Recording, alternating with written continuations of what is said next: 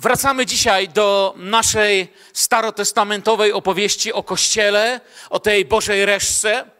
Pamiętacie, tamtym razem mówiłem o tym, jak Pan Bóg powołał Gedeona, który no nie miał o sobie za wysokiego mniemania, ale też nie za bardzo potrafił się zachowywać. Tłumaczyliśmy również, dlaczego położenie runa nie jest aktem wiary, ale jest aktem niewiary bo tłumaczyliśmy, dlaczego przyjęło się w naszych kościołach czasami mówić, że ktoś kładzie runo i, i tłumaczyłem wtedy, że najczęściej ta osoba sama w sobie, nie, to nie jest jakiś kłamca, zwodziciel, to jest tylko nie, nie za bardzo zrozumieliśmy ten akt, który się w tym czasie odgrywa.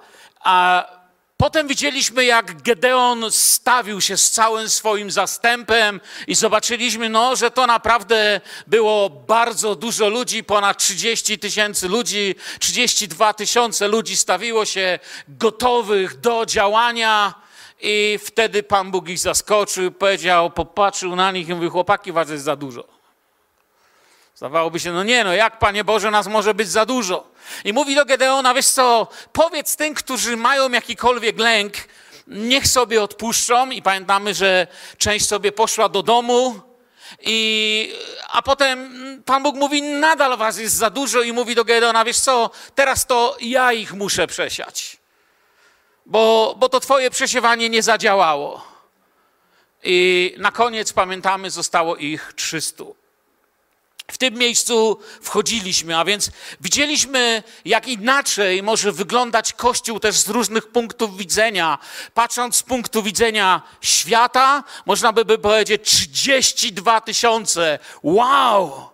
Patrząc z punktu widzenia wierzących, można by było powiedzieć, no, ale wielu poszło do domu, no, Część tylko została i to wcale nie taka duża, ale nadal wow, ale z punktu widzenia Pana Boga 300 i wtedy te nasze wow to już nie są takie wielkie wow. No 300 osób zostało. A więc punkt widzenia świata, punkt widzenia wierzących, punkt widzenia Pana Boga, czyli 32 tysiące ludzi widzi świat i mówi, no to jest ich dużo, to jest ktoś. Z nimi się trzeba liczyć. 10 tysięcy widzimy my i mówimy, no szkoda, że jedna trzecia to są tacy naprawdę wierzący, ale chwała Bogu za tą jedną trzecią, ale Pan Bóg mówi, tu jest o 9700 za dużo. I widzi 300, widzi Bóg, których zamierza użyć. I to był ten wstęp, i na, i, i, na dziewiątym wersecie tam skończyliśmy, zaraz przejdziemy do Słowa Bożego, ale chciałbym, byśmy sobie sprawę zdali, że kiedy Pan Bóg ich przesiał i nareszcie chce ich poprowadzić do jakiegoś działania, to popatrzcie na to matematycznie. Nie wiem, czy zauważyliście, ich zostało poniżej jednego procenta. Czytałem kiedyś artykuł że w naszym kraju świadomie, biblijnie wierzących ludzi jest podobno trochę poniżej 2%. Nie, nie wiem, jak ten ktoś to mierzył i jak się to mierzy, bo to nie była ilość protestantów. To nie, bo, bo, bo trudno powiedzieć, że wszyscy protestanci to są lepsi niż nieprotestanci. To, to, to jest, w ogóle nie jest miara żadna. Mm, to nie byli ludzie, którzy ogłaszali się wierzącymi. Nie wiem, jak ktoś to zrobił, ale tak przeczytałem, nie wiem, na czym to ktoś opierał. Tutaj zostało poniżej 1%. I zaczynamy od wersetu, na którym zakończyliśmy. Sędziów, siódmy rozdział, od dziewiątego wersetu idziemy aż do dwudziestego piątego, z tym, że parę razy może przerwę czytanie tego fragmentu, żeby tylko tam zwrócić delikatną uwagę na coś. Tejże nocy rzekł Pan do niego, wstań, wtargnij do obozu, gdyż wydałem go w ręce Twoje. Lecz jeżeli się boisz wtargnąć, to podejdź najpierw wraz ze swoim giermkiem purą pod obóz i posłuchaj, co tam mówią, a potem nabierzesz otuchy i wtargniesz do obozu. Poszedł wtedy wraz ze swoim gierkiem purą aż ku samym uzbrojnym, którzy byli na skraju obozu. Tu chcę na chwilkę się zatrzymać. Teraz Pan mówi do Gedeona: idź i działaj, ale zwróćcie uwagę na tą Bożą delikatność, na to Boże pouczenie. Idź działaj i wiesz w końcu. Nie. Bóg mówi, idź działaj, ale wiesz co? Ja wiem, co ty masz w głowie. Ja znam wasze serca, mówi Bóg do ludzi. Ja wiem, że ty widzisz, że zostało was mniej niż 1% tego, co, co tobie się zamarzyło. A więc chce ci dodać otuchy. Więc jeśli się jeszcze boisz, to popatrz, w co obróciłem całą odwagę Twojego przeciwnika. Mając mniej niż 1% tego, co miał, jego wiara zaczyna się chwiać. No my wiemy, że Gedeon nie był jakimś sam siebie mężem wielkiej wiary, ale jednak przez działanie Ducha Świętego jest na liście tych, o których mówimy ludzie wiary. I mówi do niego, jak się boisz, to idź posłuchaj, co mówią. I te słowa są ciekawe. Nabierzesz otuchy, wiecie, idź i zobacz, to nabierzesz otuchy. Te hebrajskie słowa, nabierzesz otuchy, gdybyśmy je chcieli tak dosłownie, słowo w słowo przetłumaczyć, to tam nie napisalibyśmy idź i nabierzesz otuchy, ale idź i wzmocnisz swoje ręce. Wzmocnisz swoje ręce. I co tutaj jest teraz ciekawego, Mówiłem wam kiedyś yy, i na pewno pamiętacie, to, to jest to hebrajskie słowo, po hebrajsku słowo, czyli dawar, słowo, dawar. Kiedy Żyd mówił słowo, słowo istnieje wtedy, kiedy się wykonuje. Jeśli coś się nie wykonuje, to nie jest słowo. To jest idea, to jest cień czegoś tam, ale, ale, ale w tym hebrajskim zrozumieniu słowo to jest coś, co się dzieje. Bóg powiedział i stało się. I wtedy to jest słowo. Idź i nabierzesz otuchy, to znaczy wzmocnij swoje ręce, a więc moje słowo w tobie rozpocznie prawdziwe działanie. Nie będziesz człowiekiem, który przychodzi do jakiegoś zgromadzenia, do armii Gedeona, czy do kościoła Filadelfia, czy gdzieś tam jeszcze, słucha, ma głowę od teologii 5 na 8, ale dalej się boi i słowo się nie realizuje. Zobacz, posłuchaj, a wzmocnią się Twoje ręce, będziesz mógł działał. Także nie tyle poczujesz się lepiej, co będziesz działał. Nie tyle wyjdziesz z lepszym samopoczuciem, ale będziesz się czuł gotowy do działania. I poszedł ze swoim gierbkiem, który się nazywał Pura. I jest ciekawe, ponieważ w języku hebrajskim słowo Pura oznacza konar. Takie wsparcie miał w tym gierbku, prawda? I idziemy dalej. To takie mój tutaj na marginesie. Dwunasty werset przerwałem. Midianczycy zaś i Amalekici oraz synowie wschodu rozłożyli się wszyscy w dolinie w takiej ilości jak szarancza. A ich wielbłądów było bez liku, jak piasku nad brzegiem morza. A gdy Gedeon tam podszedł, oto jeden wojownik opowiadał swojemu towarzyszowi, co mu się śniło. Mówił: Oto śniło mi się, że bochenek jęczmiennego chleba wtoczył się do obozu Midianczyków, dotarł do namiotu i ugodził weń tak, że się obalił i całkowicie przewrócił, i namiot upadł. Znów chciałbym przerwać czytanie naszego fragmentu, znowu moje pięć groszy pomiędzy wersetami. Jeżeli Panu Bogu chodziłoby tylko o to, żeby Gedeon coś zobaczył, to Gedeon by się załamał. Bo zobaczyłby, sami wiemy, zobaczyłby ludzi jak mrówek i nie mógłby uwierzyć, że, że on przeciwko temu ma iść.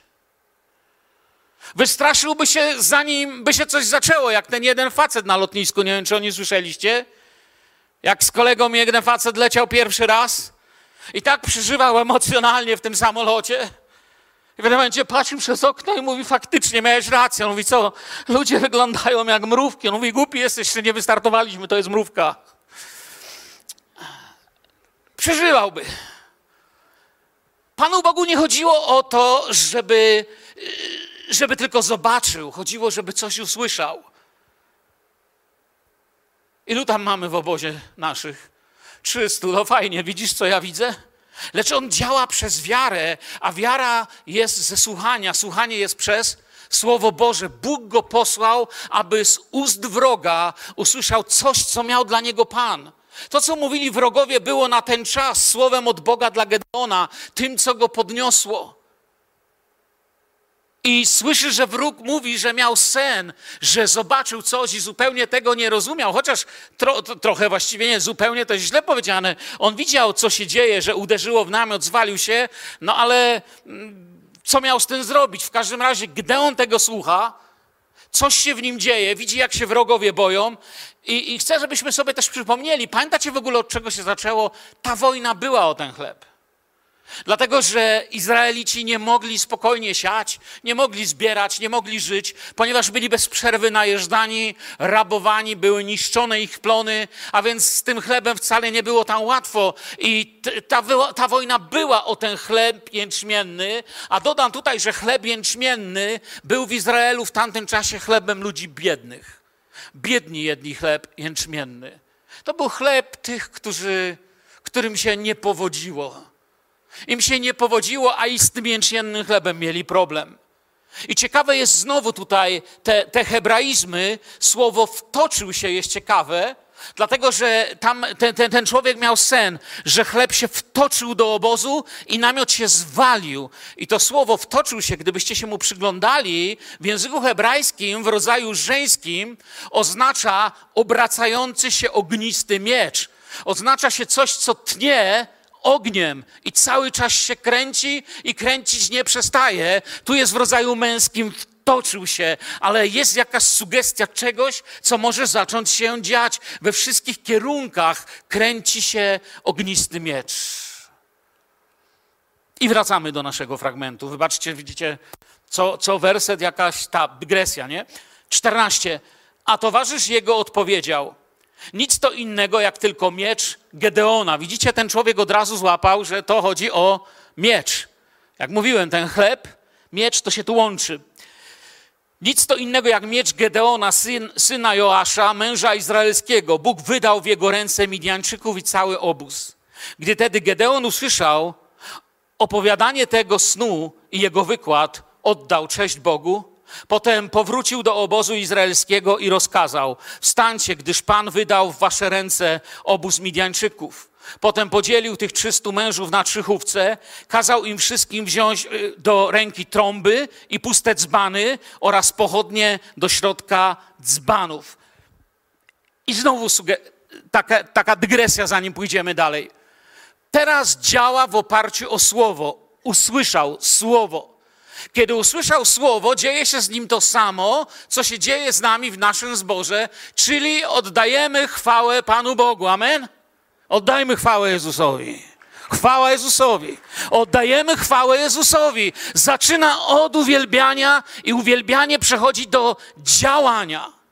Nie znaki, a słowo. Gedeon prosił o znaki, właśnie to runo, pomimo że Bóg go powołał, domagał się jakiegoś znaku ale to nie znaki przekonały w końcu jego serca, ale to, czego Bóg zaczął, na tym i skończył. Te znaki to nie były jakieś cudeńka, które on sobie wymyślał z runem, chociaż dla Boga to nie był problem, ale te znaki były słowem. Słowo sprawia, że on zaczyna widzieć, że to nie jest jakiś zbieg okoliczności, ale rzeczywiste Boże prowadzenie. Bóg zaczął od słowa i tak robi. I wiemy, że jednym z niewytłumaczalnych Bożych atrybutów właśnie jest to, że Bóg nigdy niczego nie zaczyna, zanim tego najpierw nie skończył. To jest coś, co tylko On może. Runo nie miało takiej mocy, ale Bóg mógł to w nim rozpocząć i zaczyna go w tym prowadzić. I idziemy dalej w naszym tekście, werset 17. I rzekł do nich: Patrzcie na mnie i róbcie to, co ja robię. Oto ja pójdę na sam skraj obozu, co ja robić będę, to i wy róbcie. Gdy zadmę w trąbę ja i wszyscy, którzy są ze mną, wtedy i wy zadmijcie w trąby wokół całego obozu i zawołajcie za Pana i za Gedeona.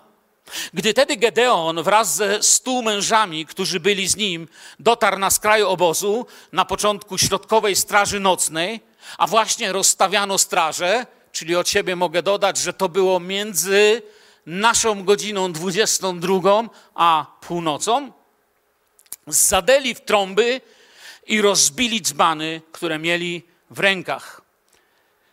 Wtem zadeły w trąby trzychówce i potłukli dzbany, pochwycili w swoje lewe ręce pochodnie, a w prawe ręce trąby, aby zatrąbić i zawołali miecz dla Pana i dla Gedeona. Lecz zatrzymali się wszyscy tam, gdzie stali wokół obozu, w obozie zaś wszyscy biegali, wokoło krzyczeli i uciekali. Gdy zaś zadeło owych trzysta trąb, Pan sprawił, że jeden raził drugiego mieczem w całym obozie i rzucił się obóz do ucieczki, aż do Betrzyta w kierunku Serera, aż do krańca Abel Mechola koło Tabat. Fajnie, wiecie, wygląda ta nazwa Serera. To jakby aż do Meksyku uciekali. Ale to taka moja. Te trąby, w które oni zadeli, to wiemy, jak się nazywają. Każdy prawie z nas zna tą nazwę szofar. To były trąby zwane szofar. Ważna jest rzecz, abyśmy coś zrozumieli tutaj. Nie każdy Żyd, to nie było tak, wiecie, że każdy Żyd, który w tamtym czasie sobie chodził, to w jednej kieszeni po prostu, nie wiem, miał pochodnie, a w drugiej szofar. Szofaru nie nosił każdy. Prosimy o prezentację. To jest oryginalny szofar z rogu baraniego. Dzisiaj właśnie odebrałem go, bo byłem z wizytą w gminie żydowskiej. Akurat dali mi do, do poćwiczenia. Jeszcze nie umiem za bardzo na tym grać, ale jakby ktoś chciał zobaczyć, to były... A pokaż nam, jak możesz. Próbuj, no. Moja żona to lepiej Ośmielcie robi. go trochę, no.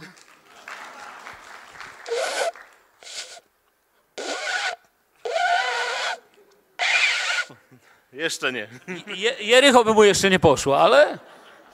Ale tak to wyglądało. Taki jest jeden z mniejszych, a te takie większe zawijane pewnie widzieliście gdzieś na zdjęciach. Co, jakbyśmy byli propagandowo przygotowani, to ja bym nagranie przygotował i by nikt nie wiedział, sorry. A więc to były trąby zwane szofar. Dziękujemy za odwagę, jesteś kochany człowiek. E, I to chcę powiedzieć, wiecie co, nie każdy miał szofar przy sobie.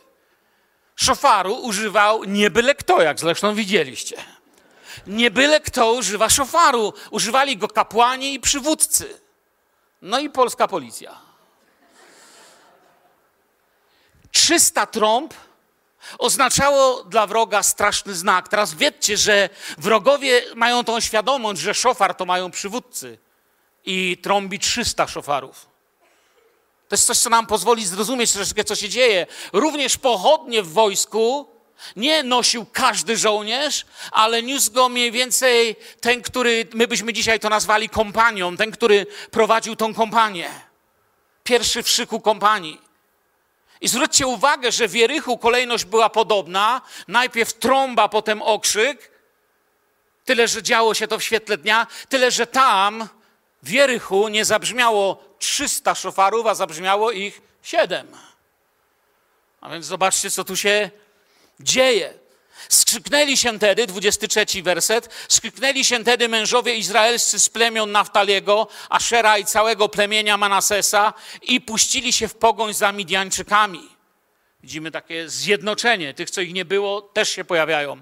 Wtedy Gedeon posłał gońców poprzez całe pogórze efraimskie z rozkazem stąpcie, aby zabiec drogę Midianczykom i odetnijcie im dostęp do wód aż do Bedbara nad Jordanem. Sknęli się tedy wszyscy mężowie efraimscy i odcięli dostęp do wód aż od Betbara nad Jordanem. Nadal się Izrael jednoczy. Zobaczcie, ciągle to widać.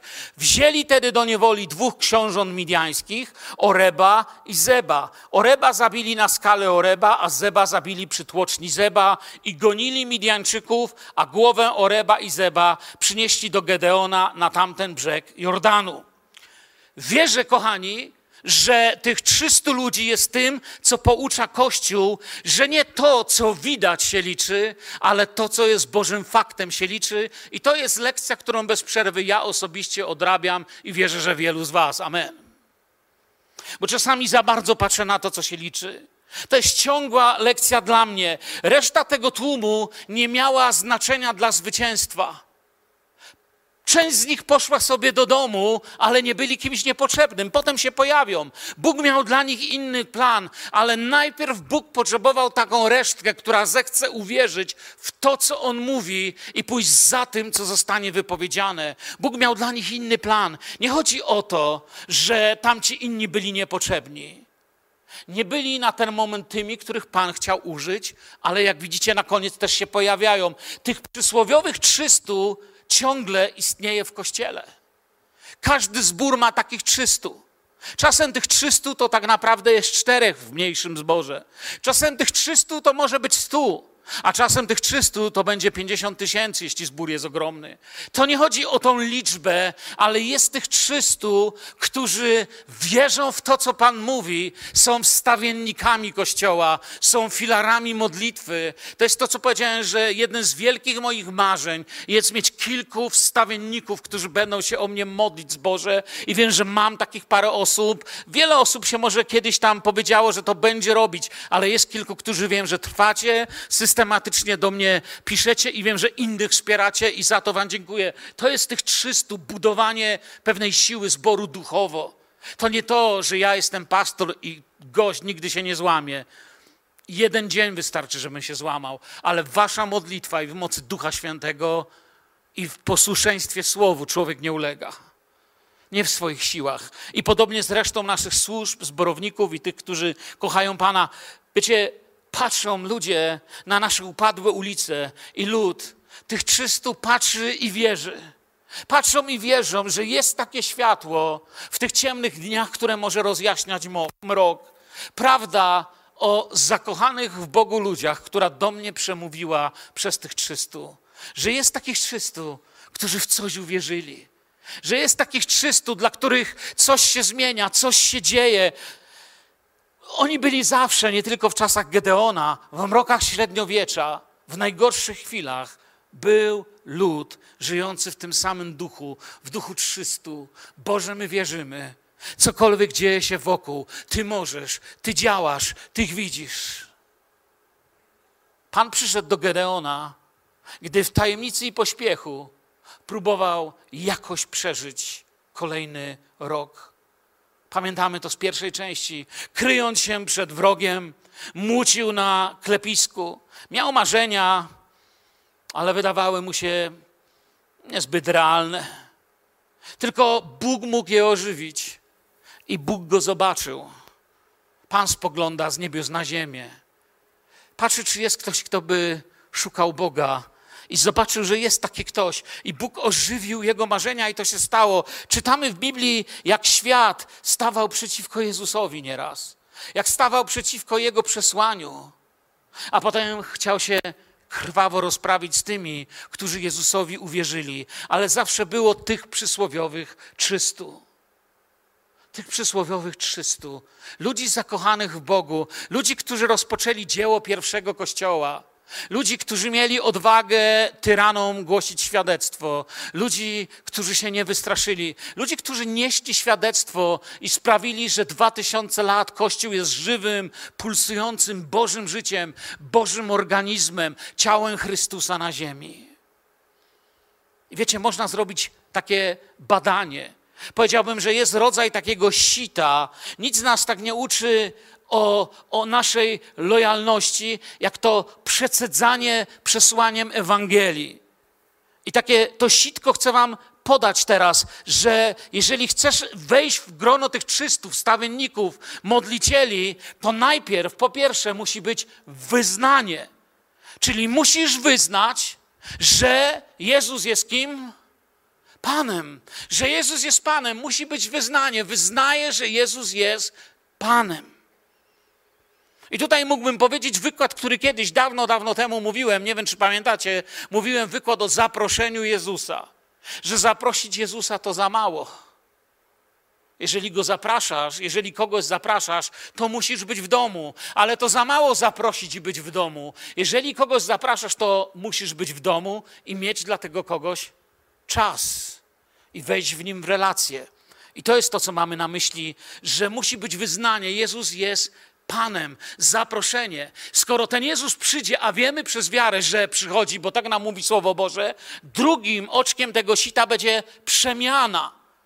Nie da się spotkać Jezusa i nie zmienić. Jeżeli Jezus przychodzi w Twoje życie, to pojawia się w nim uczciwość, wybaczenie, oczyszczenie. Jeżeli zaprosisz Pana Jezusa, te rzeczy się pojawią. Nie da się spotkać Jezusa i pozostać taki sam. Da się powtórzyć religijną formułkę. Da się zapisać do kościelnej kartoteki, da się być gdzieś członkiem, ale nie da się być uczniem Jezusa. Bez przemiany swojego życia. Nie da się go przemienić samemu. Można w jakichś dziedzinach, ale żeby to życie było przemienione na tak by się Bogu podobało, to musi to drugie oczko tu zadziałać. I teraz wyznałem Jezusa Panem, moje życie się przemieniło, to jest to drugie oczko. Trzecie oczko to jest decyzja. Skoro Jezus jest Panem, to Jezus panuje. Służba to nie jest wygodna religia. Służba to jest, że Jezus jest Panem, zaprosiłem Go, ze mną rozmawia, wstępuję w Jego, co? Ślady. Zaczynam to, to, to, decyzja jest tym trzecim oczkiem. Podjąłem decyzję. Potem poznajemy ludzi, którzy poszli za Panem, że po pierwsze widzimy, że są wierzący i my czasami na tym pierwszym oczku zostajemy. Potem nas ktoś oszuka i mówi, a on mówił, że jest wierzący. No i co z tego, że to mówił? Potem jest przemiana. A potem jest decyzja. Widzisz, że to nie jest człowiek wygodnej religii, że jest to człowiek służby służby w miłości, a więc oznacza, że jest gotowy dla innych też siebie coś dawać, nie jest, że podejmuje decyzje. I po czwarte, to jest realizacja tej decyzji, a więc widzisz, że to się w jego życiu realizuje. Bóg go używa, Bóg przez niego działa, Bóg go używa bez względu na to, jaki by to rodzaj służby był. To nie jest tylko, że kazalnica, wiecie, sama kazalnica nic nie znaczy bez dziesiątków innych posłusznych Bogu ludzi. Teraz to fakt, że Jezus jest naszym Panem, żyje, działa, panuje w nas. I ta kolejność jest nienaruszalna. Zwróćcie uwagę na tą kolejność, co powiedziałem. Wyzwanie, przemiana, decyzja, służba. Tej kolejności nie da się zmienić.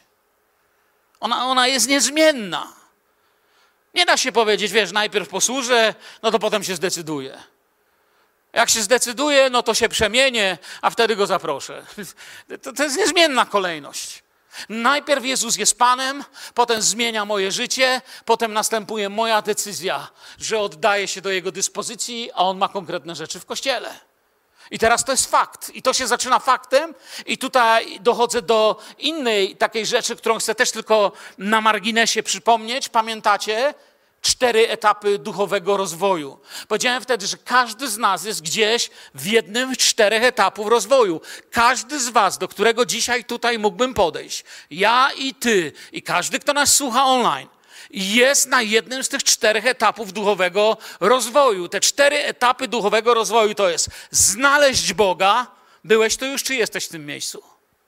Odnaleźć w nim wolność, przyjąć powołanie zmienić świat. Kiedy mówię zmienić świat, nie mam na myśli głosić do 100 tysięcy ludzi. Mam na myśli w pokorze zrobić to, do czego Bóg cię powołuje. Jeśli to jest opieka nad jedną malutką wdową, to też zmienia świat.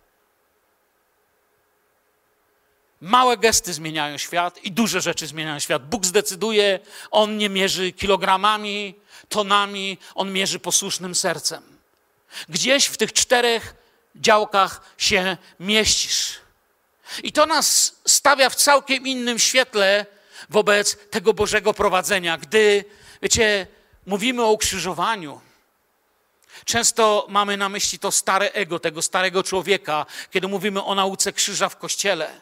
Ale tam na Golgocie, kiedy tłum krzyczał, ukrzyżuj go, miał na myśli Jezusa. Nie podobał się im, ponieważ wypełniał to zwycięstwo Boże na tym świecie, przez oddanie się na służbę, przez posłuszeństwo, przez to, że Jego słowo było słowem, które się działo. To echo brzmi do dziś. Prawdziwym motywem księcia tego świata jest usuncie Jezusa z naszych ulic. Zabierzcie te słowa z naszych uszu. Zróbcie coś, by już więcej nie chodził i nie głosił. Niech im wszystko przeszkadza. A przebudzenie, jak powiedziałem, przychodzi zawsze tam, gdzie ktoś znowu zobaczy Jezusa. Gdzie jest Kościół, gdzie jest tych czystu, którzy mówią: My nie chcemy być Kościołem, który odprawia, my chcemy być Kościołem, który żyje. Przybili Pana do krzyża i byli pewni, że mają spokój, że, że załatwili swoje, bo świat żyje, że załatwia się sprawę i koniec. Ale zmartwychwstanie pokazało światu, że nie ma takiej metody na uciszenie Boga, bo Boga zabić się nie da, Boga uciszyć się nie da. Potem historia pokazała, że Kościoła też się zabić nie da, uciszyć się nie da, można go próbować zabić, ośmieszyć nie da się. Ma dziś wiele skutecznie robiących to ludzi ale w nas pozostaje ta świadomość tych czystu. Bo jeśli świat nie jest domem mym, bo jeśli świat nie jest domem mym, to znaczy, że wszedłem na terytorium wroga. Diabeł wie, jak niebezpieczni są oni, Boży marzyciele i przyjaciele Pana. Ludzie, którzy zwyczajne szare poniedziałki, wtorki i środy nie muszą potrząsać kontynentami i głosić na wielkich wiecach, ale są uczciwym tatą i mamą, solidnym pracownikiem, dobrą córką i dobrym synem, prawdomównym pracownikiem i prawym pracodawcą, delikatnym i prawym człowiekiem wobec tych, którzy wobec niego zawinili. Na co dzień są tymi trzystoma, tą resztką, która chce wznieść okrzyk, o którym zaraz jeszcze więcej chcę powiedzieć. Rzym im mówił, że są nikim, ale cała machina stała przeciwko nim. Skoro byli nikim, to czemu cały Rzym stał przeciwko nim? Komuniści mówili, że Boga nie ma, a więc kogo prześladowali, skoro Boga nie ma? I dla kogo pobudowali tyle więzień? Ale nie dało się tego zabić i nie dało się uciszyć, bo tych przysłowiowych 300, tych 300 to jest życie, serce Kościoła, które bije w rytmie tego Bożego EKG. Przyjdź, Panie Jezu. Tej nocy Pan do nich powiedział, aby wtargnęli do obozu. Oni nie byli z tego obozu, ale byli wokół tego obozu. Można by rzec nieomal w nim, tym, że na jego kraju. Oni nie przebywali w jego centrum. Oni żyli na skraju, tak jak my na skraju tego świata żyjemy, modląc się o niego, błogosławiąc go i wydając okrzyk chwały na cześć Jezusa i wydając westchnienie każdego dnia. Przyjdź, Panie Jezu, Maranata, choćby dzisiaj. Przyjdź, Panie Jezu. Chcemy z Tobą działać, mamy dla Ciebie przesłanie. To samo mieli misjonarze głoszący Ewangelię. Wyciągnęli pochodnie i wiara świeciła. Rozbijali dzban i to ego ludzkie umierało, bo jesteśmy tylko tym glinianym naczyniem. I wydawali okrzyk, a przesłanie brzmiało: tracili życie, ale niczego nie tracili. Bo Bóg wszystko potrafi podnieść, co jest dla niego ich rozbite dzbany, czyli to skruszone ego ja, pozwalało świecić prawdziwemu ogniowi. Tym więcej Jezusa we mnie będzie widzieć moja żona, im mniej Mirka Kulca we mnie będzie oglądać.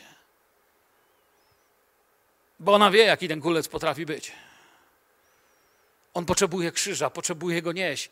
Tym więcej w tobie świat będzie widział Jezusa, im mniej mojego ego, naszego ego będzie widział na drodze, w sklepie, kiedy potrafimy sobie powiedzieć, to nic. Świat nie jest domem mym. Jam tu przechodniem jest. Me skarby w niebie są. Nie w tej dolinie łez. Pamiętacie te pieśni? Kazanie można by z tej pieśni głosić, nie? Wie, wiecie o co chodzi? Dzban był rozbity i światła już się nie dało schować. Skruszone ja powodowało, że człowiek może świecić. Dzban został rozbity na skraju obozu ciemności i nie można już było schować światła. Już się nie dało schować. Teraz albo Bóg coś zrobi, albo zginiemy. Można było tylko wołać lub zgasić i uciec. To było ich jedyne wyjście, kiedy rozbili dzbany, podnieśli pochodnie i wydali okrzyk na chwałę Bogu. Mieli dwie rzeczy do wyboru: patrzeć, czy Bóg wypełni słowo, albo rzucić pochodnią i wiać. Militarnie rzecz biorąc, to by było lepsze wyjście, ale duchowo rzecz biorąc, byłaby to śmierć. Byłoby to gorsze wyjście. Uwierz, mówi Boże przesłanie, jesteś kościołem, Gedeonie. Jeśli się boisz, idź do obozu, posłuchaj, co oni mówią. Oni sami już przestali wierzyć w ten świat. Oni sami już nie wiedzą, dokąd iść. Niedawno rozmawiałem z osobą, która rozpoczęła, wiecie, coś wspomniałem o Jezusie, a ta pani od razu zaczęła jechać po swoim kościele i po swoich przywódcach kościelnych. Ja powiedziałem, ja o tym nie chcę rozmawiać. Nie znam się na pani przywódcach kościelnych, nie znam się na ludziach, o których pani mówi, nie znam się ani na tym radiu, ani na tym, o czym pani chce powiedzieć. Na tym, na czym się znam, to Jezus zmienił moje życie. To jest mój Bóg i mój Pan, który dokonał zmiany mojego życia. I słyszałem, jak w ich obozie mówi się, że nie wiadomo, co dalej będzie. Jak w ich obozie mówi się, że nauka zawodzi, medycyna zawodzi, prawo zawodzi, polityka zawodzi, dyplomacja zawodzi. Większy jest ten, który mieszka w nas. I diabeł też to wiedział. Nabieramy otuchy, gdy widzimy, jak wszystkie twarde wartości świata stają się niczym, a Słowo Boże, któremu uwierzyłem, widoczną prawdą. Dzisiaj czy wczoraj rozmawialiśmy z, pa- z pastorem Bogdanem, nie? I też mówił, przeczytał gdzieś, mówił do mnie, że, że kolejny raz odkrywają, że nauka się myliła, a Słowo ma rację. Który to już raz słyszałem. To nie był pierwszy raz, kiedy to słyszę, że, że mówią, faktycznie, zobaczcie, Biblia to dawno mówiła. Raptem w poprzednim wieku medycyna odkryła, że życie wszelkiego ciała jest w jego krwi. A Bóg to powiedział do Mojżesza. I uwierzcie, Mojżesz nie, był, nie żył w poprzednim wieku. To było bardzo dawno temu. Wiele rzeczy się zmienia. Oni się boją. To były czasy, gdy zło, oni tam zobaczyli, rozłożyło się jak szarancza. Czytaliśmy to, widzieliśmy, że zło było zjednoczone, ale z drugiej strony było wystraszone. Widzieli, że to nie działa. Miecz był w ręku Gedeona. I chcę wam powiedzieć, również dostaliśmy miecz do ręki. Co jest naszym mieczem? Kto powie? Słowo Boże, dokładnie naszym mieczem jest Słowo Boże. Miecz był w ręku Gedeona, tak jak jest w naszych dłoniach, ale ten miecz musi być prawdziwy. Ci z Was, którzy przychodzą do mojego biura, do mojej kancelarii, wielu z Was zareagowało na ten wielki miecz. To jest kopia miecza z 1099 roku, z czasów upadku Jerozolimy pod naporem krzyżowców. Kto pamięta historię, wiemy, że krzyżowcy zdobili Jerozolimę w 1099 roku, dokonując tam rzezi.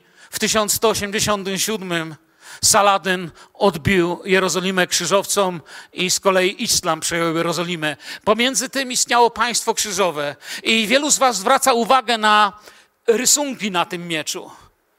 I nawet niedawno, bo wczoraj powiedziałem kilku z was to, co wielu z was mówię, bo niektórzy się mnie pytali, słuchaj, to masz prawdziwy miecz? Ja mówię, słuchaj, gdyby ten miecz był prawdziwy, to musiałbym mieć ochroniarzy pod oknami mojego biura i naokoło wszędzie. Nie, to jest tylko aluminiowa, zwykła, tandetna kopia. Gdyby to był oryginał, to sama ilość złota, która by tam była, byłaby warta chronienia. Mam tylko biedną kopię, która nie byłaby w stanie zmierzyć się z prawdziwym mieczem tamtych czasów, bo by po prostu rozciął mi ten miecz na pół. On jest leciutki, on jest tylko do oglądania. I podobnie chcę powiedzieć coś o waszym mieczu. Naszym mieczem, jak powiedzieliśmy, jest Słowo Boże. I diabeł też myśli, jak ci zabrać ten miecz? Jak ci ten miecz zrobić, żebyś nosił jego kopię? Słowo Boże pewnie, że może próbować fałszować, ale ono się świetnie broni. Kiedy przyszły takie czasy, że świat się coraz częściej zastanawiał, a kto wie, czy to słowo jest prawdziwe, a może nieprawdziwe. Właściwie to nie ma dowodów na to, że przez te wieki to ktoś nie zmienił, mogło się pozmieniać, co chwilę ktoś coś dopisuje, a więc nie wiadomo, czy to można temu wierzyć, czy nie można. Pan Bóg użył pastucha, który rzucił kamieniem i w 1948 roku przemówiły kamienie, odkryto papirusy z Qumran i dyskusja ucichła. Okazało się, że Słowo Boże jest tak i amen, wierne i prawdziwe i niezmienne. Bóg potrafi sobie z tym poradzić, ale czasami nam diabeł chce podmienić ten miecz. Jak zabrać ten miecz?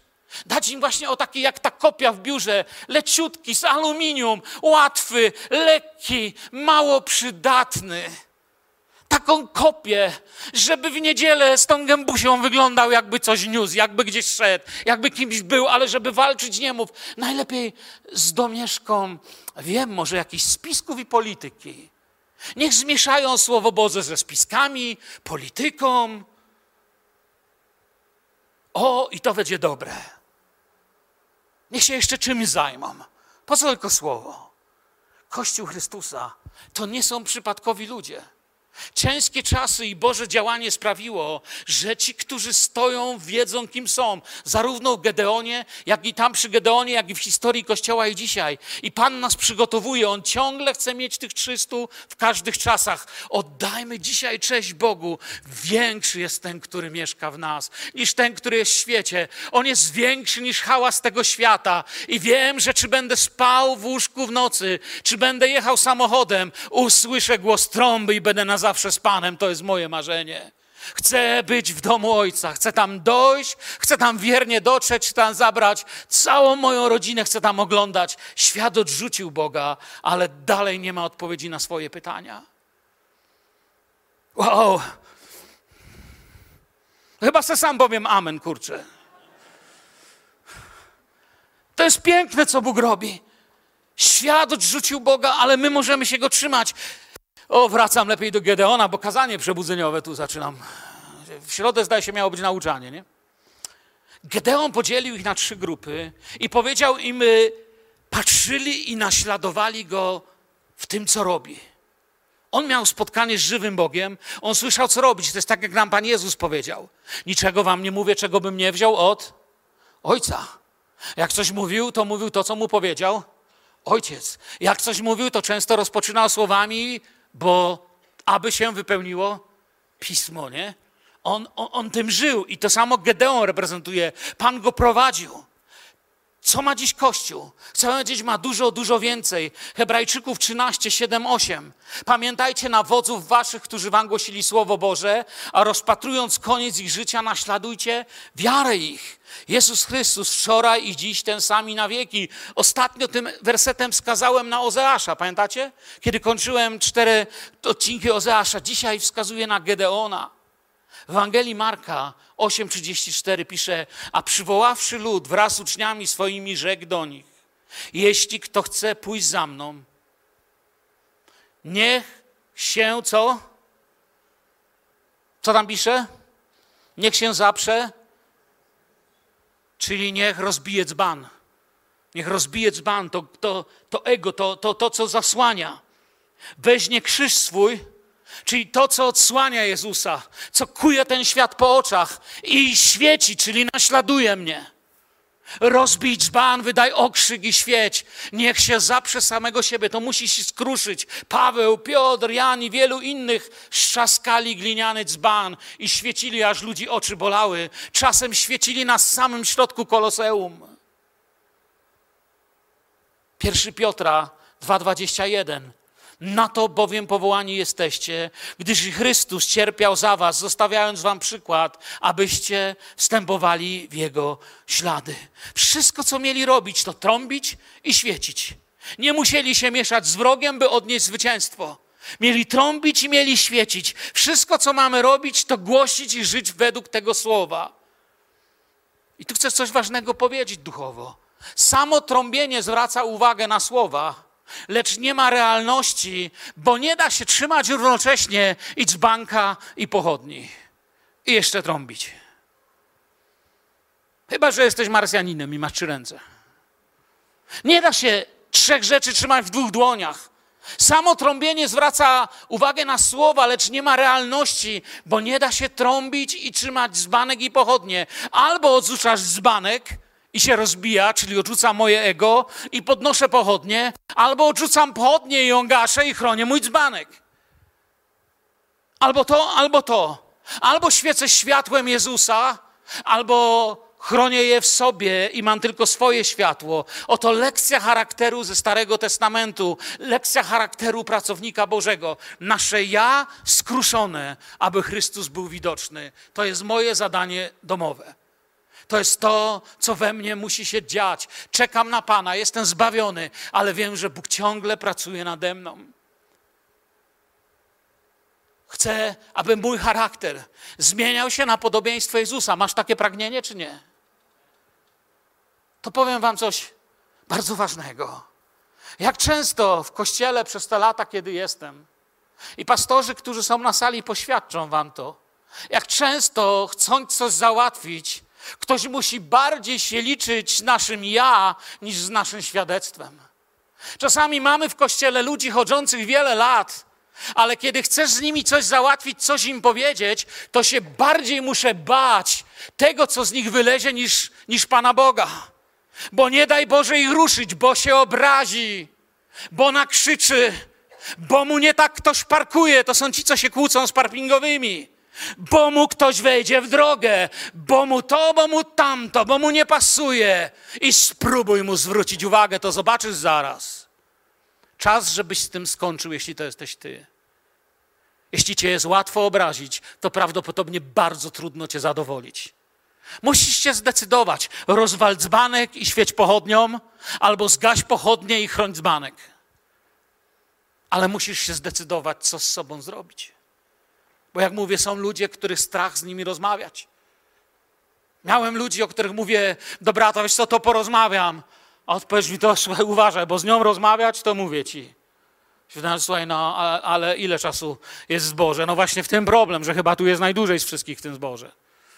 Że to nie mówię teraz o naszym zboży, by ktoś nie poszukiwał, która, która siostra najdłużej zboże. To nie ta. Chodzi o to, że są tacy ludzie, że strach z nimi rozmawiać, pomimo, że są wierzący, to musisz uważać, bo, bo byle czym tych ludzi może... Ich ego jest takie delikatniuśkie, a ich krzyż taki niewidzialny. Nie chcę być człowiekiem, który byle czym można urazić. Chcę być człowiekiem, pragnę naśladować mojego Pana. Pragnę być kimś, kto mówi, Panie, skoro trzeba to zmienić, to chcę to zmienić. Chcę iść za Tobą, rozbijając banek, podnoszę pochodnie. Amen. To jest nasza decyzja. Możesz dziś powiedzieć amen i iść do domu i jechać tak samo źle, jak tu przyjechałeś, złoszcząc się na cały świat. Tak samo źle się odnosić do swojego bliźniego, nadal się nie pogodzić z tym, kim się pokłóciłeś, nadal nie oddać to, czego ukradłeś i nadal nie przeprosić tego, kogo obraziłeś. Ale możesz powiedzieć dziś amen i pójść i zacząć zmieniać najpierw swoje otoczenie, przejść przez to sitko, poznać Pana, odkryć wolność, te cztery kroki, przyjąć powołanie, zmieniać świat. Samoświecenie. Nie zwraca niczyjej uwagi pośród tysięcy różnych zwodniczych światełek. Nie myślmy, że wystarczy żyć porządnie, płacić podatki, nie kraść, a świat zobaczy. Samo świecenie również nie wystarczy. Został rozbity dzbanek, a więc wybrano Bożą uczciwość. Podniesiono pochodnie, ale nadal coś jeszcze Bóg chce. Bóg chce głosu. Nie myśl, że wystarczy tylko, że jest jasno. Nie myśl, to nie chodzi o to, że sąsiedzi zobaczą, że się uśmiechasz i mówisz dzień dobry. Nie rozbity dzbanek sam w sobie, ale coś jeszcze. Pewnie, że nie chodzi o kogoś, kto trzyma i pochodnie i dzbanek na wszelki. Wybiorę, kim jesteś, to sobie wybiorę, co zrobię. Ale wydaj okrzyk. Innymi słowami, niech Jezus będzie moim świadectwem. I to wcale nie musi być, wiecie, fanatyczna wiara. Uwierzcie mi, że kiedy dzielę się z przypadkowymi ludźmi, nie, nie jest tak, że wiesz, kogoś pytam, wierzący jesteś? On mówi, no chodzę tam, wiesz, do kościoła, tak, czyli, ale przychodzisz, że nie. Idziesz do piekła! Tak się nie głosi. Chyba nie da się gorzej głosić niż czego powiedzieć, idziesz do piekła, musisz zostać obmyty w drogocennej krwi baranka. Wyobraź sobie, że usłyszałeś to pierwszy raz i nie wiesz o co chodzi. Niby prawda, nie? Właściwie nie niby, to jest prawda. Ale miłość trzeba podawać. Miłość nie gwałci. Myślę, że wiecie, co chcę powiedzieć, nie chcę w tym kierunku iść dalej. Gdyby wystarczyło być fajnym gościem, chcę powiedzieć, to myślę, że Jezus żyłby do późnej starości w Nazarecie, uczciwie pracował w stolarni i miał ładny pogrzeb, i to by starczyło. Ale tym problemem to nie był problem. Problem był ze śmiercią i destrukcją tego świata. Baranek Boży musiał zostać podany za grzech tego świata. Krew musiała się przelać, a zmartwychwstanie musiało pokonać śmierć, by straciła swoje żądło. To jest prawdziwa Ewangelia. Wiecie, i tego nie da się zmienić żadną podróbką miecza, którą diabeł chce wsadzić do ręki dzisiejszego Kościoła. Dzisiejsza ekumenia naucza w ten sposób, bo dzisiaj jest modna ekumenia. Uczy tak, wojska Gedeona i Midianitów powinno z wami wymienić kulturalne kociołki z obiadem w ramach relacji. Gedeonie, wymień z Midianitami kulturalnie kociołki, poznajcie wasze tradycje. A my się na to dajemy nabierać. A potem, jak wymienicie kulturalne kościołki w ramach ekumenii, zróbcie nudne jak flaki z oleju ekumeniczne nabożeństwo, na które przyjdą sami swoi. Nikt ze świata nie przyjdzie, ale wy będziecie się cieszyć, jak miło jest, jak kulturalnie o, e, taki owaki. Oglądałem ostatnio takie coś. Nie mam z tym nic wspólnego i nie chcę mieć. Wierzę, że w naszym zborze mamy jedno przesłanie: Jezus Chrystus jest synem Bożym. I człowiek musi się narodzić na nowo. Bóg kocha grzesznika i nienawidzi grzechu, ale w plekle nie będzie grzech, tylko będzie grzesznik, jeśli się nie nawróci. To jest to, co wiem. To, co mnie coraz bardziej dotyka w tym świecie, który przyciska. Wiem, że to mamy głosić. Wiem, że nie muszę z nikim podpisywać żadnych układów. Wiem jedno: czy Jezus jest Twoim Panem? Jezus jest moim Panem. Jesteśmy braćmi. Amen. Jeśli Jezus jest Twoim Panem, a nie jest moim Panem, to sobie możemy podpisać, co chcemy, nie jesteśmy braćmi. Możemy sobie podpisać, na jakim chcemy szczeblu. Urzędowym, rządowym, najwyższym, z nie wiadomo jaką ważną figurą religijną. Jeżeli Jezus jest Twoim Panem i nie jest moim, to nigdy nie będziemy jedno. A jeżeli Jezus jest Twoim Panem i jest moim Panem, to może nie zawsze się widzimy może nie zawsze o sobie wiemy, ale gdyby były prześladowania, to znajdziemy się w tej samej celi, a jeśli odejdziemy, to znajdziemy się w tym samym niebie. Amen. Nic nie musimy podpisywać. Te dwa obozy nie mogły stać obok siebie, nie zasną obok siebie. Jeden z nich jest pijany w weekend, a drugi w weekend się modli. One nie mają z sobą nic wspólnego. Jeden się będzie bał, a drugi będzie spał. I jeden będzie spał, kiedy tamten będzie się bał. One się w ogóle ze sobą nie stykają. I Pan sprawił, że zapanował chaos, lecz ludu Bożego w tym chaosie już nie było. Wszystko, co było im cenne, ich życie, domy, marzenia, nie miały nic wspólnego z chaosem tego obozu. Wszystko to było bezpieczne w zwycięstwie, które dał im Pan.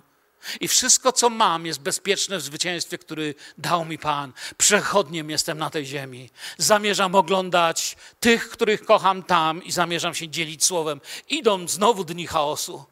Dlatego Pan nadal wzywa swój lud na przegląd. Zainwestuj w Królestwo Boże. Wszystko, co masz, czym jesteś. Sprawdź, czy masz wszystko, co potrzebne jest Bogu, żeby Cię użyć. Dzban, czyli całego siebie, żeby został dla Niego rozbity. By położyć to gliniane naczynie dla Pana. Gdy przyjdzie dzień, w którym ma być widoczny Chrystus, to nie dzban będzie ważny, ale światło, które jest w tym dzbanie. Pochodnia dobra nowina i świadectwo, by nasze trąbienie nie zwracało uwagi na dzbanek, ale na ogień, który w nas świeci. Powiedziałbym to tak. Bóg wzywa, pokaż pochodnie.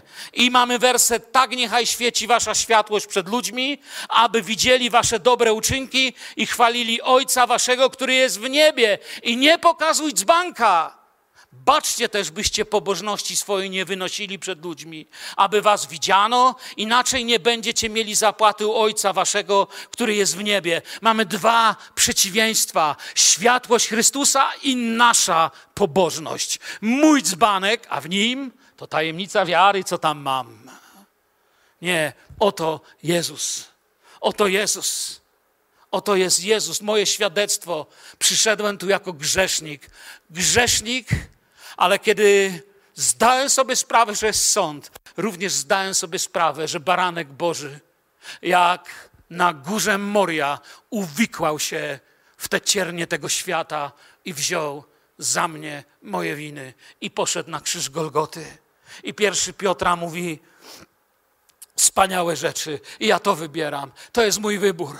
A więc dzisiaj możesz dokonać wybór. Albo dalej twoje życie będzie śpiewać malowane z banki, albo wybierasz.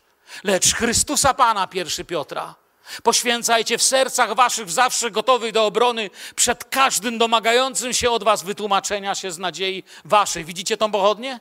To jest to, czym świecę tak, jak potrafię. Na każdym miejscu mojego życia. I kończąc, na koniec czytamy, że wzięli do niewoli królów Oreba i Zeba. I pierwsza rzecz, jaka nam przychodzi do głowy, to, że trochę strasznie, wiecie, no ścieli ich, zamordowali i tak dalej. Chcę wam powiedzieć, to jest wielkie duchowe przesłanie w imionach tych królów również, dlatego, że jeśli popatrzymy na to, to po hebrajsku oreb to jest kruk, a zeb to jest wilk. I jak wiemy, wilki rozpraszają stado, a kruki zjadają zdechłe stado. One musiały zostać usunięte. Wilki rozpraszają, a kruki żerują na padlinie, ale oni żyli. Nie byli ani rozproszeni, ani nie byli padliną. Stali we wspólnej wierze tych trzystu, których duch dzisiaj chce spoczywać na kościele. Postawa Gedeona i jego resztki dała Izraelowi 40 lat pokoju. 40 lat dzięki tym 300 ludziom, którzy uwierzyli, że Bóg może. W świecie, w którym wszystko szło przeciwko życiu, oni żyli prawdziwie. Oni mieli Boży dostatek i Boże błogosławieństwo.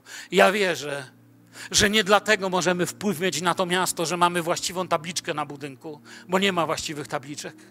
Nie dlatego możemy mieć wpływ na to miasto, że się właściwie nazwiemy, ale dlatego, że w takie środy jak ta wpatrzymy się w Słowo Boże i powiemy sobie, Panie, o Panie, nie szczycę się mądrością. Pamiętacie, cytowałem to ostatnio. Nie szczycę się mądrością, Panie. No już na pewno ja się nie mam czym szczycić. Nie szczycę się bogactwem, no to już też nie mam się za bardzo. Źle mi nie jest, no. Ale Panie, ja się tym nie szczycę, nawet gdybym to miał. Nie szczycę się też dostatku mych sił. I nie chcę powiedzieć, że ja wszystko mogę. Panie, dziś wychodzę z tego miejsca. Tobą się chcę szczycić. Chcę być częścią tego kościoła, która nie będzie kolejnym powodem do problemu, ale kolejnym człowiekiem, który problem rozwiązuje. Chcę być rozwiązaniem problemów tego zboru, a nie twórcą problemów tego zboru. Jeżeli brakuje sług, to ja zginam kark. Jeżeli brakuje, to ja daję. Jestem, mów do mnie, Panie, bo sługa Twój słucha. Panie, przychodzimy do Ciebie. Stajemy przed Twoim świętym obliczem i prosimy Ciebie o powołanie, powołanie takiego Twojego Bożego ognia w naszym kościele. Abyśmy na każdym kroku byli świadectwem, aby ludzie widzieli rozbity dzbanek moich egoizmów, ambicji, aspiracji, ale chcę podnosić pochodnie Twojego światła aby widzieli ten stary szorski krzyż, aby pod niego mogli przyjść, aby widzieli miłość baranka, miłość Syna Bożego, która zmieniła i moje życie. I tak pragnę, Panie, aby zmieniła życie wielu, którymi ten świat gardzi. Więzienia, szpitale, osiedla, domy mojego miasta pełne są nieszczęść. Panie, chcemy, byś dał nam siłę do bycia rozwiązaniem dla tego miasta. Prosimy Cię dziś. Prosimy Cię dziś. Powołuj. Pokaż mi, czego się za mocno trzymam, czego nie puszczam. Pokaż mi, jak trzymać to światło. Panie, dzisiaj wychodząc z tego miejsca, pragnę nieść w moim sercu odczuwalną jak świeże powietrze gotowość do Twojego powołania. Ty jesteś Bogiem żywym. I dlatego możesz powołać dziś, dziś w nocy, jutro rano. Chcę godnie Cię reprezentować tu w zborze, na ulicy, wkrótce w szkole, w pracy. Chwała, chwała i cześć Jezusowi. Amen, Kościele. Niech Was Pan błogosławi. Amen.